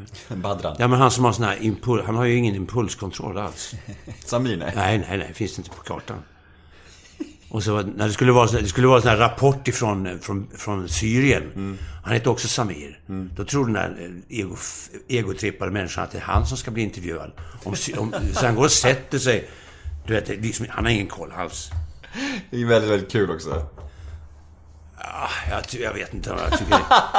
Ja, jag, jag tycker inte det är så speciellt roligt. Hörru, när, när grät du sist? Det var ett tag sedan. Det var ett tag när jag grät hela tiden. När, när vi spelade in Gåsmamman 1 så hade jag en period när jag var väldigt nära mina känslor på något sätt. Men nu käkar jag äter ju antidepressivt. Okej. Eh, Så att jag håller... Då... då eh, Hur länge har du ätit det? ja, det är, det är ett par år. Varför? Ah! Hjälper det, ty- tycker du? Ja, det nivellerar ju liksom. Det, men det är ju det där... Eh, jo, men jo, men jo. Jag provade någon annan sort ett tag och det, där blev jag jättekonstig. Det var till och med min fru sa, nu går du till doktorn och prövar någonting annat. Nu har jag fått någonting som är väldigt milt. Men, det, men det tar bort lite taggar, tycker jag. Och, eh, och i och med att jag inte dricker så, så, så påverkar det mitt sätt att tänka och uttrycka mig också, tror jag. Nej, det är väl ingen hit att dricka alkohol när man går på antidepressiva, tror jag? Eller? Ja, det spelar ingen roll. Det gör inte det? Nej. Nej. Det, jag tyckte inte det i alla fall. Men det kanske alla andra gjorde. Aha. Men nej, det, nej det, jag vet flera som tar det och dricker, men, men ehm, det, det är så oerhört personligt alltså. Mm. Vissa tål, vissa tål inte. Det, vissa tål sprit på ett annat sätt. Jag menar, jag vet ju vissa människor som absolut inte ska dricka, men som dricker ändå. Mm. Och sen finns det de som dricker just två glas vin och, och sen är inget mer. Mm. Och eh, då har jag bara tänkt så här, nej, det där funkar inte för mig. Nej. Och det är ju den, det, det erkännandet man måste göra mot sig själv. Att säga att nej, du får välja nu. Ja, det svåraste som finns för en problemdrickare är ju att vara ärlig mot sig själv. Det är ju det svåraste som finns. Ja, ja, När ja. man väl är det, då är det väldigt, då är det väldigt lättnad. Men vägen dit kan ju vara ganska krokig. Ja. Ja, alltså framförallt efter en föreställning så kan jag bli väldigt sugen på ett glas kallt Sauvignon Blanc.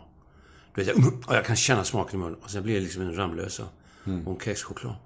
Eh, när alla andra dricker gammeldansk och Jo, Tommy kom här. Nej, nu tar vi lite lugnt. Eller jag tar det lugnt, inte vi, sa konungen. Men jag tycker ändå det är starkt. Alltså jag blir lite Subtle results, still you, but with fewer lines. Botox Cosmetic, out botulinum toxin A, is a prescription medicine used to temporarily make moderate to severe frown lines, crow's feet, and forehead lines look better in adults. Effects of Botox Cosmetic may spread hours to weeks after injection, causing serious symptoms. Alert your doctor right away as difficulty swallowing, speaking, breathing, eye problems, or muscle weakness may be a sign of a life threatening condition. Patients with these conditions before injection are at highest risk. Don't receive Botox Cosmetic if you have a skin infection. Side effects may include allergic reactions, injection site pain, headache, eyebrow and eyelid drooping, and eyelid swelling. Allergic reactions can include rash, welts, asthma symptoms, and dizziness. Tell your doctor about medical history, muscle or nerve conditions including ALS or Lou Gehrig's disease, myasthenia gravis, or Lambert-Eaton syndrome and medications, including botulinum toxins, as these may increase the risk of serious side effects. For full safety information, visit BotoxCosmetic.com or call 877-351-0300. See for yourself at BotoxCosmetic.com. Chockad och glad att du ändå har sex månader nykter. Det är liksom, vad fan, det är ju starkt ju. I den branschen du är också, vad fan, alla frestelser. Du, alltså, du gör... Ja, det är ju hela tiden. Ja, jag tycker skitstarkt. Bra jobbat.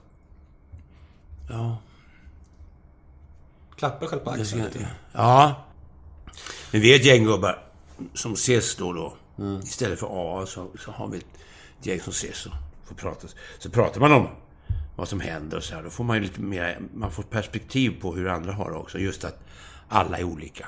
Kan jag få vara med där också eller? Nej, jag vet inte. Åldersgräns, kanske? Ja, du är redan klar. Du har redan hållit dig så länge. Ja, jo, det är sant.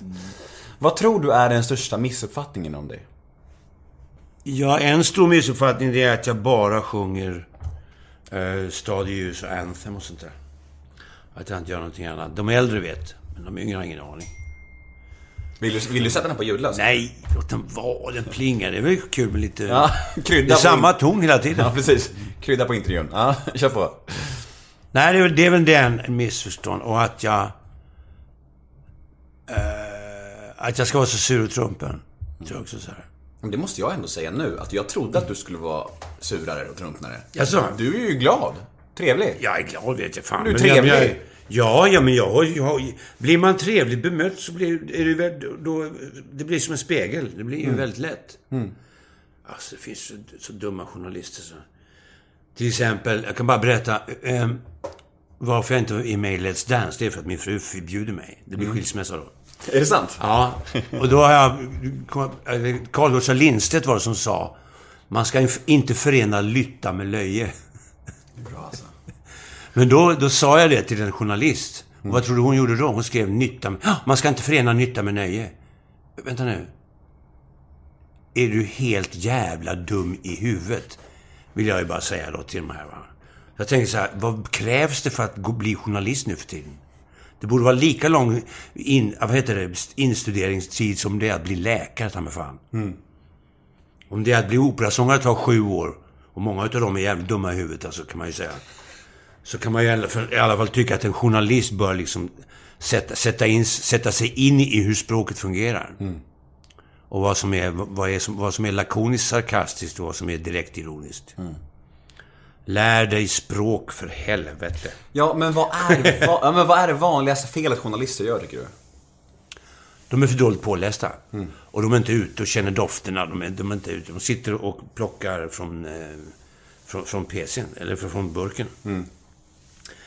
Eh, och... Eh, eh, ja... Jag tror att det är också att de är, känner sig jagade av överordnade att fixa någonting. Sensationer. Ja. Ja. Och sen är det här med att den yngre generationen har jävligt svårt för att lokalisera vad den den generationen är för någonting. Och, äh, Vi ska hitta på något nytt, de. Men ingenting är nytt förrän du vet hur det gamla är. Nej. Det är ju liksom att du vet ju inte... Du, du kan ju inte säga att du vet vad ljuset är om du inte vet vad ett mörker är. Uh, jag tror vi... Det, ja, en fruktansvärd brist på kunskap. Är det. På alla plan. Eh, nu är inte alla sådana. Det ska jag inte säga. Men eh, många man möter bland de här de här ytligheterna. Igår var det någon som kom och sa hej, det är från kändis-TV. Finns det något som heter det överhuvudtaget? Ingen aning. Nej, känn, äh, kändis-TV. Ja, hur, hur, hur tror du att den här humorkvällen ska bli? Eh, hum, det är Unicef-gala. Liksom. Ja. Det, är- det, Humorkvällen. det- Ja, humor... Ja. Nej, nej, alltså... Eh, eh, dumhet är därvid lag värre än ondska. Ondska kan du ju... Jag tänkte på att du har läst boken där. Du sa att du, den senaste boken du läste var Ondskan. Ondskan är den enda boken jag läst. Enda? Enda boken jag läst. Men läs min bok. Det är mycket bilder i om du blir trött på bokstäver. Ja, jag, jag, jag, ska, jag, ska, jag lovar är Ja, men jag kan hämta... Jag kan, jag kan gå med dig ner och få den med dig. Ja, signerad kanske? Ja, ja, ja. ja. Ja, fint. Men, men äh, dum, dumhet, alltså dumhet kan du ju inte kontrollera. Den är ju... Jag menar, det är ju därför Trump är president. Det är för att dumheten har liksom... Dumhet och lögn. Eller som de kallar det för alternativa sanningar. Så det blir inget eh, Let's Dance för Tommy Körberg? nej, nej, jag är rädd för att det inte blir det. Men det finns ju ett annat program som, som jag tror många vill se dig i. Vad är det? Så, så mycket bättre. Ja, de har också frågat, men det är alltid fel tidpunkt. För jag är alltid ute och spelar då när de ska göra det. Men där kanske vi får se dig. Kan hända. Kan hända. beror på vilka, vilka de andra är. Jag måste ju ha med mig folk som har någonting att berätta. Jag kan ju inte liksom... Eller ha med mig. Jag vill gärna möta människor som har någonting att berätta. Det brukar ju oftast vara människor över 30 i alla fall. Ja, jag tycker det är väldigt märkligt när det är typ med artister där som har släppt en platta och sådana grejer. Ja. Det är ju väldigt konstigt. Jag vet inte hur man ska... Ja, om de inte är där för att de vill lära sig någonting av de äldre. Ja. Ja, jag vet inte vad man kan lära sig av Kikki Danielsson. Jag vet inte. Boom. Du, Ja. eh, trivs du i rollen som offentlig människa? Eh, oftast, ja. Med, I och med att min självupptagenhet är så eh, utbredd så jag, jag, tycker, jag tycker... Och så tycker jag om att skoja om det också. Min fru är mindre road. När jag, när jag säger så här, men vadå? Vadå, en kung ska väl ha en tron? Vad är det med dig? Jag förstår inte. Då blir hon lite trött. Men därför är det så bra, vi kompletterar varandra. För hon, hon är en väldigt down to earth. Ner på jorden människa. Så hon... eh, Vi pratar ofta om det, vad det, vad det är för hyss vissa människor har för att visa sin makt att vara offentlig person, men inte ha någonting i ryggsäcken. Nej, det är Ord- sam- samtidens problem lite grann. Ja... Sen är det ju här också att, att det är många, många av de här medieföretagen som anställer folk som är under 24, tror jag. För de slipper en massa avgifter när det gäller skatt, skatteregler och sånt där. Och de kämpar ju som svin för att, få, för att få till en position inom företaget. Och då gör de ju vad som helst. Och där blir, det är där det kommer de här fadäserna, om man säger så. Det blir inte, det är inte lättare för att, för att det är på det sättet. Och vissa företag, de kör ju efter amerikansk modell. Man måste jobba gratis i tre månader för att visa om man är duglig. Ja, Jag gillar inte den där. Vi, vi tar efter amerikanska mönster och, och, och alldeles för mycket.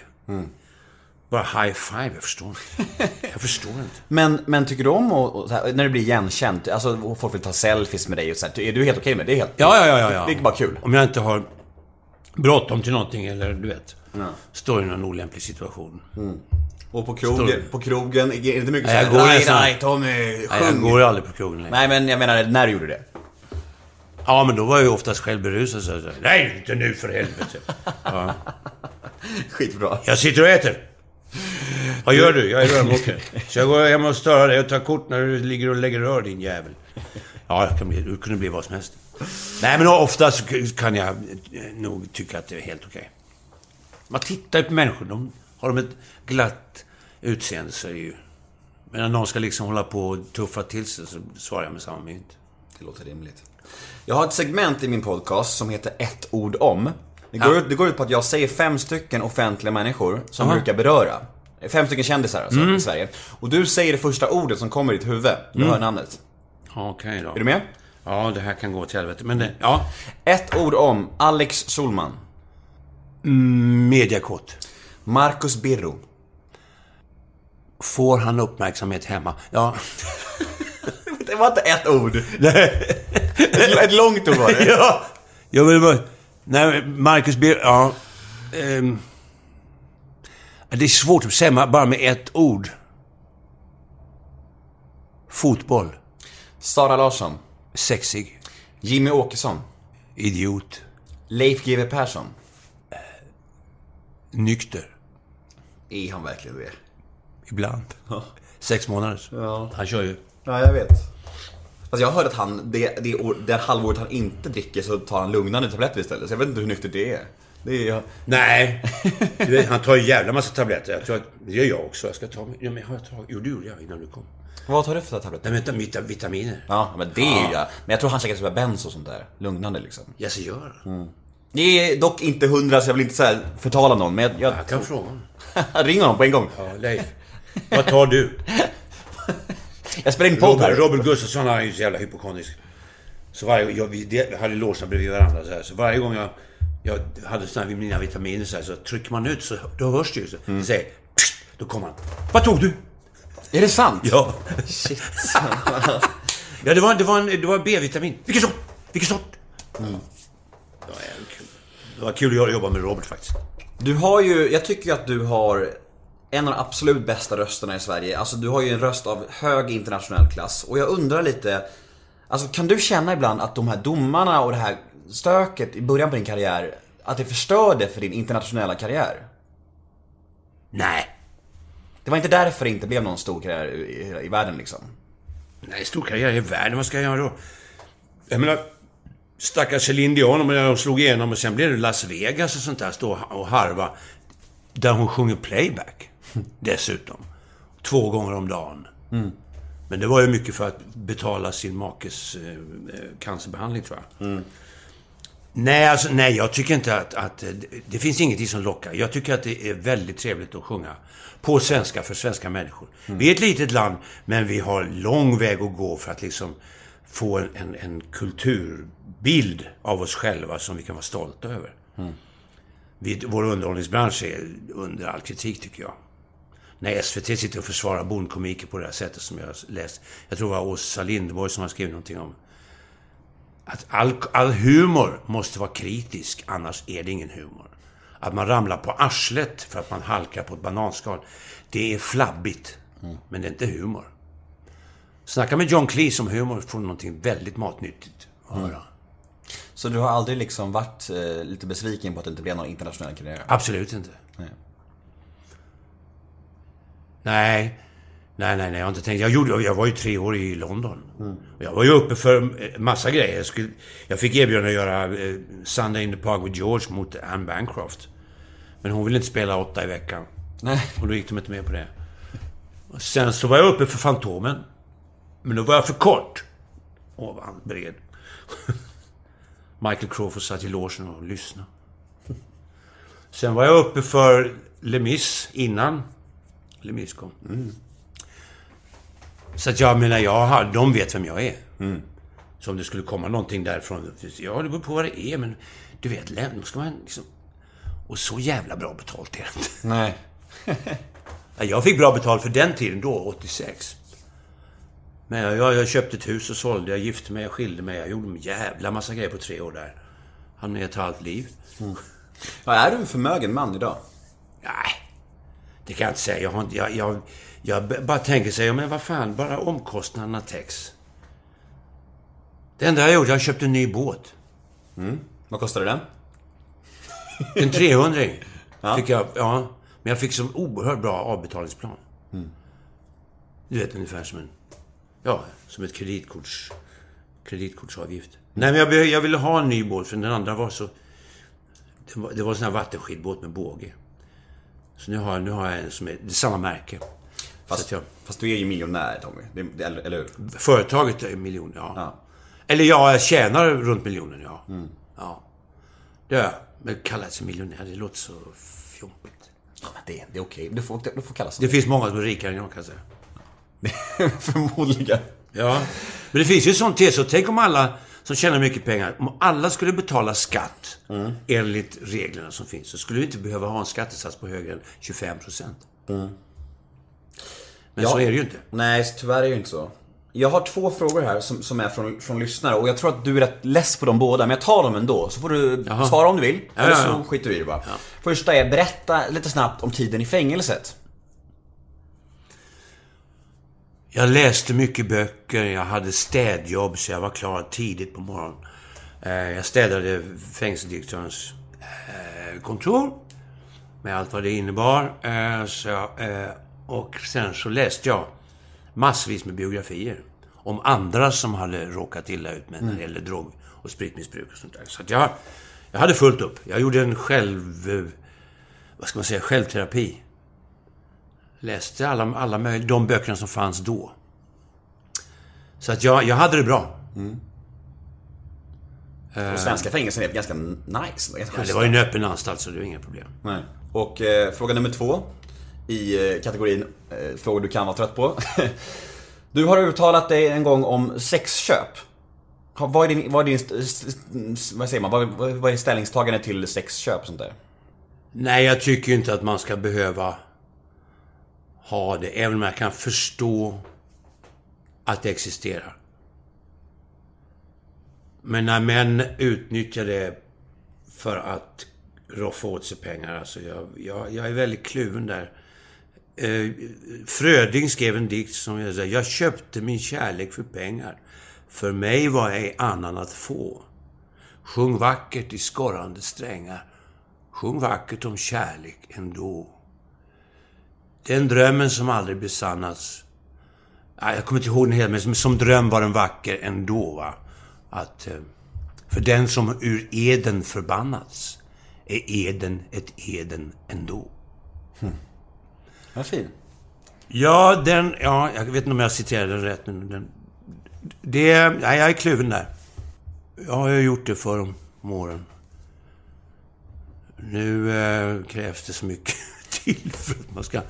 Nej, jag behöver inte tänka på sånt. Nej. Överhuvudtaget. Men jag vet att jag, för jag nämnde det i min bok där, med, med den här lilla historien i Madrid. Det är ju 1969 för fan, jag var ju knappt könsmogen. Du förlorade oskulden med den kanske? Va? Du förlorade oskulden med Nej, det gjorde jag inte. Men, men, men det var, det var en, en, en upplevelse för att... Det var som att... Ja, det var det, var det här... jag- Alltså, jag, har, liksom, jag tror att jag har lite hang-ups på det här med sexualitet. Det var för mig att... Eller jag hade det då. eh, För mig att förstå att det fanns okomplicerad sex också. Det behöver inte vara så jävla krångligt. Ja. Jag vet inte. Ja, jag är kluven där. Du har ju ett yrke där du ständigt bedöms, du får kritik och du är liksom, du, du recensioner och så här. Hur är du med recensioner och kritik? Rinner det bara av dig eller går det in i dig? Eller hur, hur känner du? Med Ja, det beror på om det är, om det är en intelligent skriven i- recension och de har synpunkter som jag håller med om. Så kan jag, jag har ingenting att säga. Men de som bestämmer sig innan de har gått dit, vad de ska skriva. Det har jag inte mycket för. Den förutfattade meningar, liksom det, det, är som, det, det är som illa fördomar, liksom, att man har bestämt sig för att... Det var ju som Hasse och Tage när de gjorde Spade Madame. Då hade de bestämt sig för att det skulle vara fiasko. Första sida. Det är ju en av de bästa revyer de har gjort. Jag menar alltså att pressen skiter jag fullständigt i kan jag säga. Jag håller med Brendan Behan alltså. De är som eunucker i ett harem. De vet hur det ska gå till men de kan inte utföra det. Ja, jag tänker att det måste vara svårt, Det är- ja, det är är så. svårt att ta kritik från folk som inte ens har samma yrke, tänker jag. Det är så här, de Nej har... men alltså man får tycka, men man ska tycka liksom...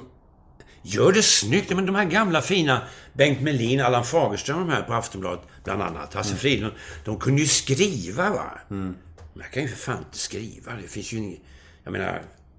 Jag, jag, jag vill att det ska vara litterärt eh, liksom begrundat också. Men om du får en recension... Men jag tycker att Pettersson Berger när han liksom väljer att skriva någonting om en operasångerska han inte tyckte sjöng så bra. Och så kom hon in klädd i rött. Det var det enda han skrev. Shit. Nej men alltså de, här Bengt Jansson på DN och... Ja, det fanns ju flera. De var ju ute på fältet och rörde sig. Nu sitter de här tråkmånsarna i sina... Ja, de sitter där... Eh, ja, jag vet inte.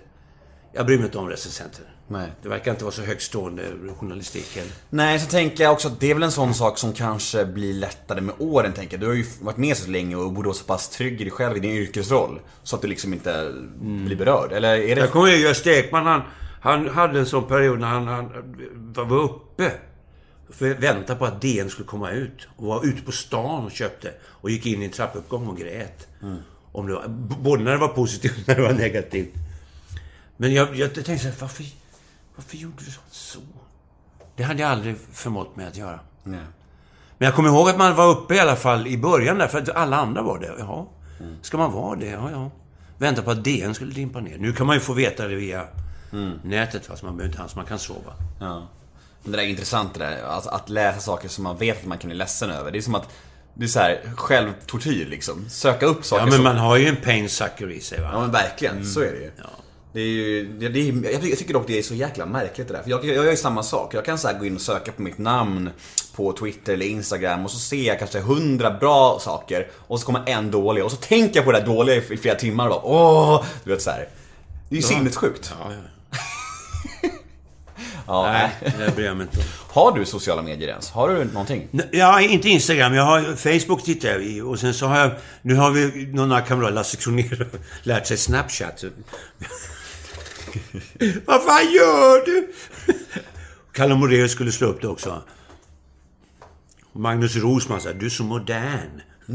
Men det kanske är sådana som kommer nu. Kanske. Det är jävligt kul. Jag tycker det är jättekul. Och just att det bara försvinner.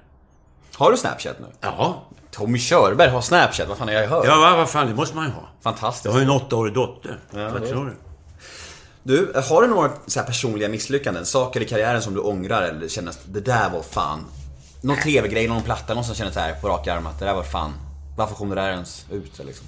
Ja, några av plattorna inser jag att jag kunde ha satt ner foten lite mer. Men nå- men på senare tid så tycker jag nog att jag har fått göra... Jag är stolt över julplattan. Den tycker jag är, håller, håller bra kvalitet. Och även, även den som heter Jag sjunger till, sjunger tills du stupar tycker jag också har... Men nu ska man inte göra plattor längre. Nu ska man Du, jag måste, på någonting annat. när vi snackar om jul, jag måste fråga dig, vad tycker du om Carola? Vad är er relation? Eh, Carola eh, har ju en jävla massa potential. Men hon har ingen som styr henne. Hon har för mycket ja-sägare runt sig. Och så har hon lite otur när hon tänker.